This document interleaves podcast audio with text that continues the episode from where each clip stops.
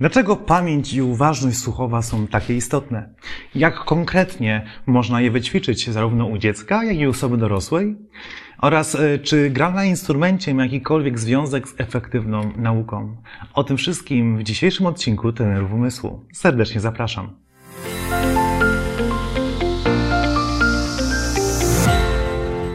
Cześć! Nazywam się Bartłomiej Boral i wraz z moim bratem Tobiaszem jesteśmy pierwszymi w historii reprezentantami Polski na Mistrzostwach Świata Pamięci w Guangzhou w Chinach oraz założycielami szkoły Best Brain, w ramach której uczymy zarówno dzieci, jak i dorosłych, jak efektywniej korzystać ze swojego mózgu, jak łatwiej się uczyć, zapamiętywać, koncentrować. W dzisiejszym odcinku e, chciałbym skupić się na pamięci słuchowej, a tak naprawdę na uważności słuchowej.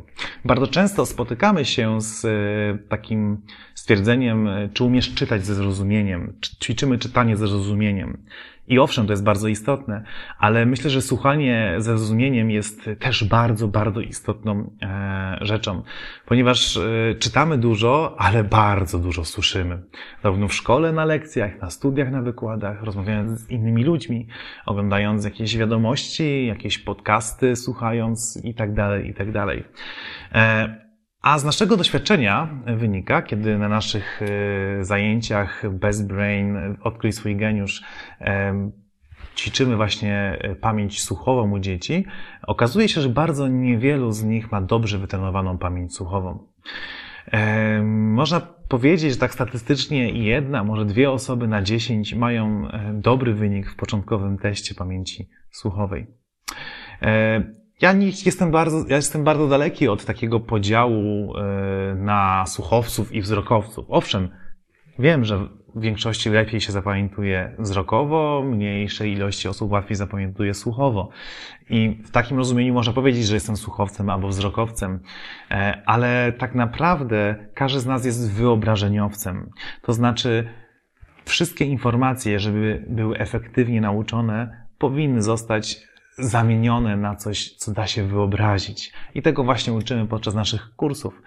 Ale można też wytrenować y, taką uważność słuchową, czyli bez wykorzystania jakichś technik i metod, można po prostu wytrenować swój mózg do większego skupienia i wyłapywania różnych informacji, szczegółów z tego, co się słyszy i kodowania ich i zapamiętywania.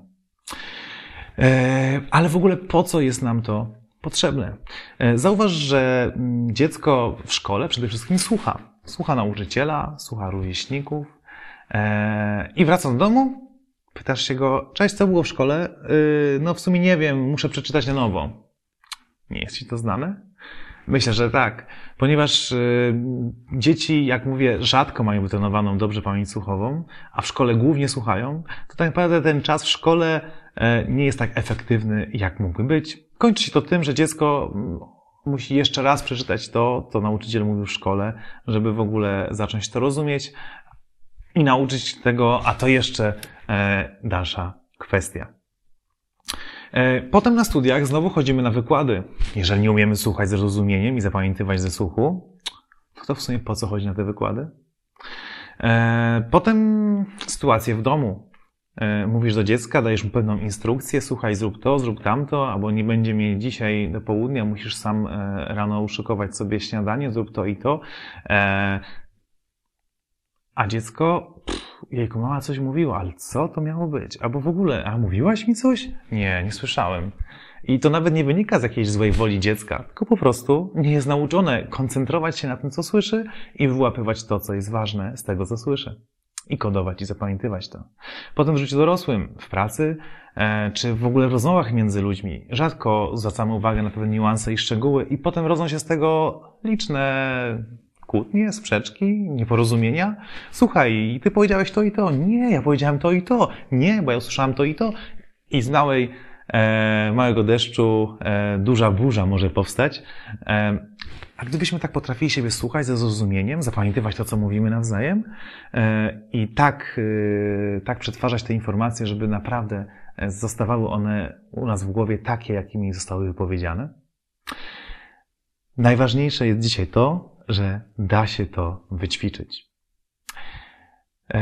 Z naszego doświadczenia testów, które wykonujemy dla dzieci podczas pierwszych zajęć na naszych kursach, wynika, że dzieci, które osiągają wysoki wynik e, w teście pamięci słuchowej, bardzo często grają na jakichś instrumentach. Albo chodzą do szkoły muzycznej, albo śpiewają w chórze, albo po prostu uwielbiają muzykę. E, I to jest już pierwsza podpowiedź, że tak właśnie można wytrenować swoją pamięć słuchową. E, ja wiem, że teraz niektórzy powiedzą, no ale ja to w ogóle na instrumentach, a moje dzieci to już w ogóle nie mają poczucia rytmu, głosu, słuchu, to nie dla nich. Tutaj tak trochę przy okazji powiem, że nie do końca to jest prawdą, że, że trzeba mieć pewien talent, żeby nauczyć się grać na instrumencie. Oczywiście, żeby nauczyć się grać perfekcyjnie, wspaniale, pięknie, to ten talent jest potrzebny, ale i tak pewni ci, którzy grają idealnie i pięknie, powiedzą, że to jest przede wszystkim ciężka praca. Ja kiedy byłem e, młodym nastolatkiem, bardzo chciałem grać na gitarze i śpiewać. Kompletnie zero poczucia rytmu, zero słuchu, bez głosu, ale miałem sobie motywację i upór. Długo to trwało, ale teraz ponoć całkiem nieźle śpiewam i gram. E, więc da się to wyćwiczyć. E, tylko trzeba dobrze się zmotywować i widzieć w tym jakiś cel i sens.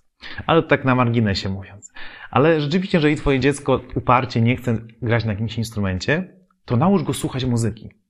Zobacz, że e, my z reguły słuchamy muzyki jako tła, czyli gdzieś tam w samochodzie jest radio, rano przy śniadaniu jakaś muzyka, na dyskotekę dziecko idzie, jest muzyka, ale ona jest po prostu szumem, pewnym, e, pewnym tłem do tego, co się dzieje. A gdyby tak ćwiczyć z dzieckiem, słuchając muzyki, ale angażując go w tą muzykę, puszczając na przykład e, coś trochę, co jest nietypowe dla niego, czyli na przykład muzyka klasyczna, jazz, i rozmawiać z nim. Słuchaj, co słyszysz w tej piosence? Spróbuj wyłapać instrumenty, albo łatwiej, albo trudniej.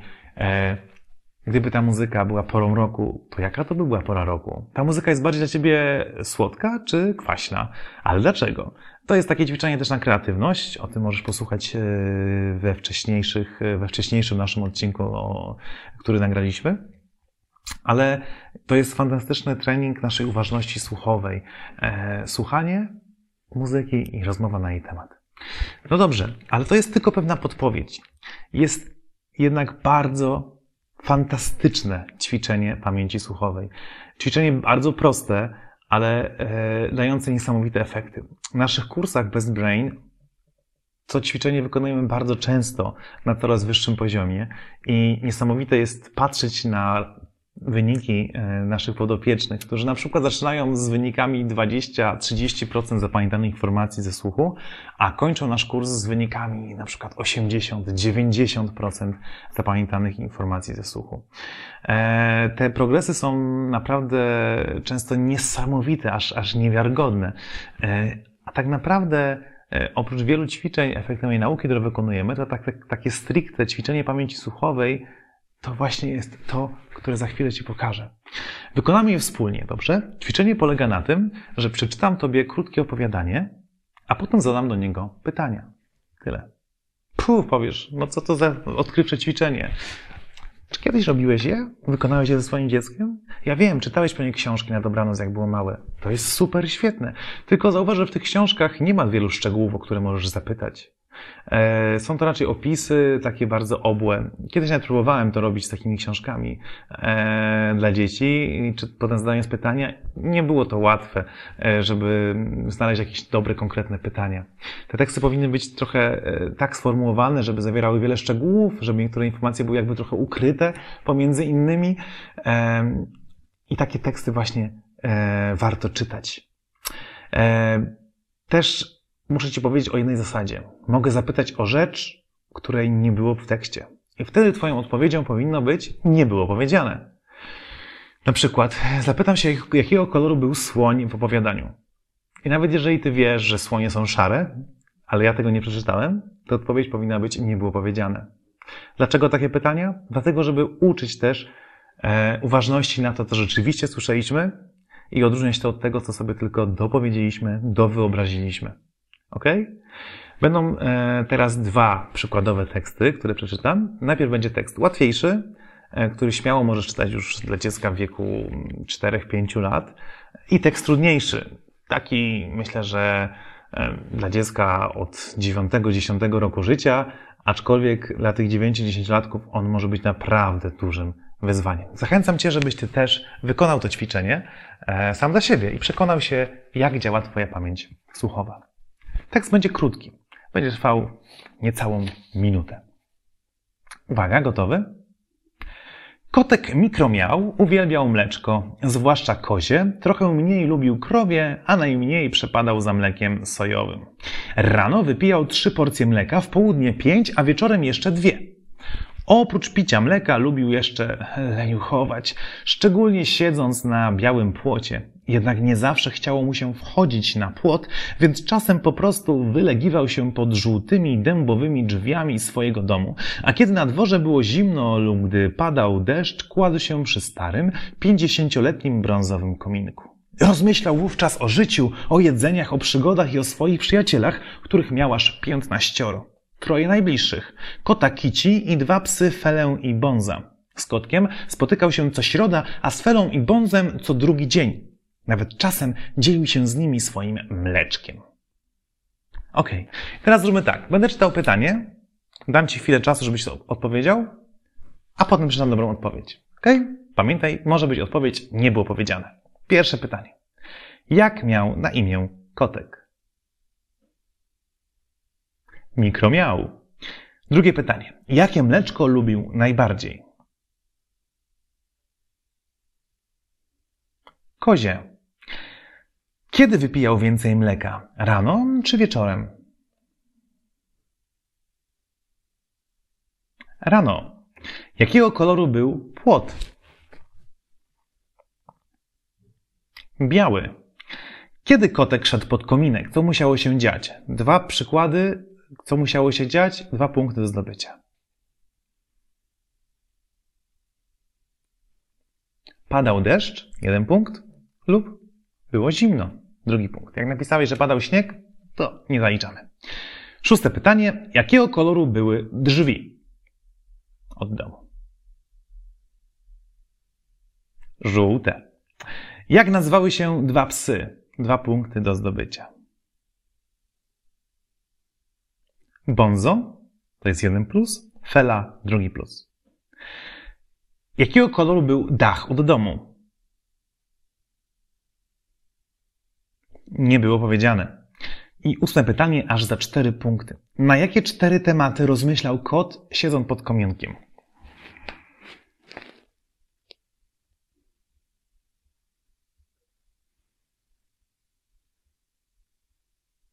kominkiem? Ok.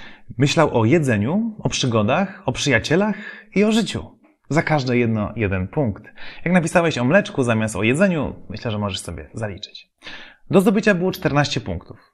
E, nie chcę dawać jakichś konkretnych widełek, to jest sprawa mocno uzależniona od wieku, ale jeżeli ty lub twoje dziecko zdobyliście więcej niż 12 punktów, czyli 12, 13 albo 14, to z waszą pamięcią jest naprawdę świetnie, tą pamięcią słuchową.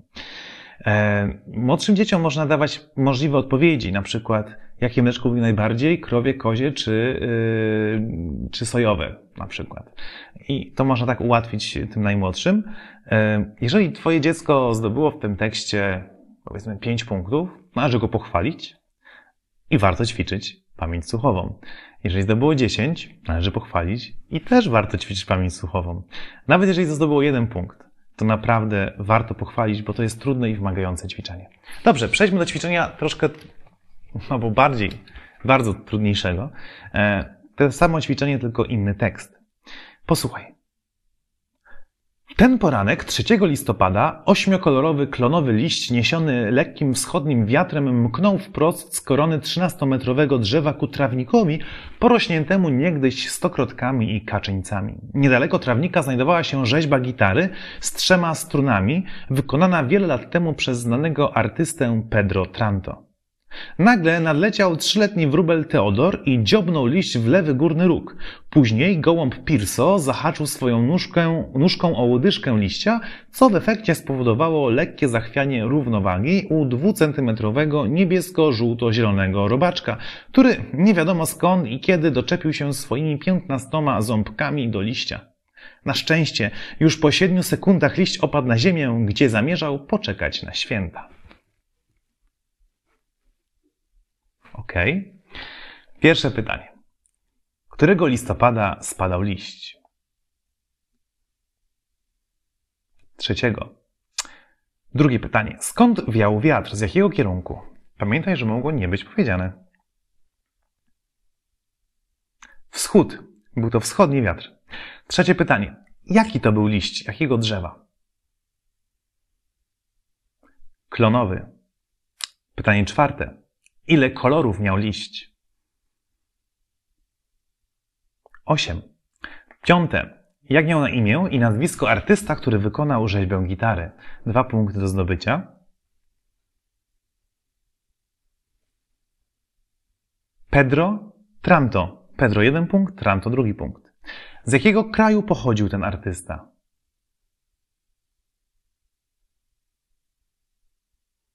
Nie było powiedziane. Napisałeś Włochy? Nie, nie było powiedziane. Siódme pytanie. Jak miał na imię gołąb?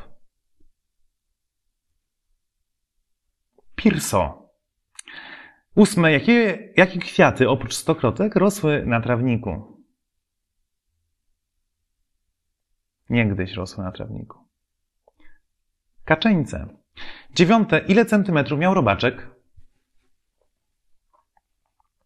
Dwa. Dziesiąte. Którą nogą gołąb zahaczył o liść? Nie było powiedziane. Mogłeś napisać lewą, bo wcześniej było słowo lewy, lewy górny róg e, i mogłeś sobie tak e, skojarzyć, twój mózg interpretować, ale nie, nie było powiedziane. Czy w tekście występował kolor brązowy? Nie, nie było tego koloru w tekście. Dwunaste. Ile metrów od trawnika znajdowała się rzeźba? Nie było powiedziane. I ostatnie pytanie. Ile lat miał wróbel?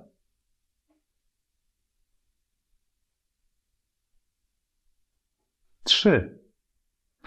Też było 14 do zdobycia. Myślę, że każdy wynik w tym tekście powyżej 10 to naprawdę jest wow.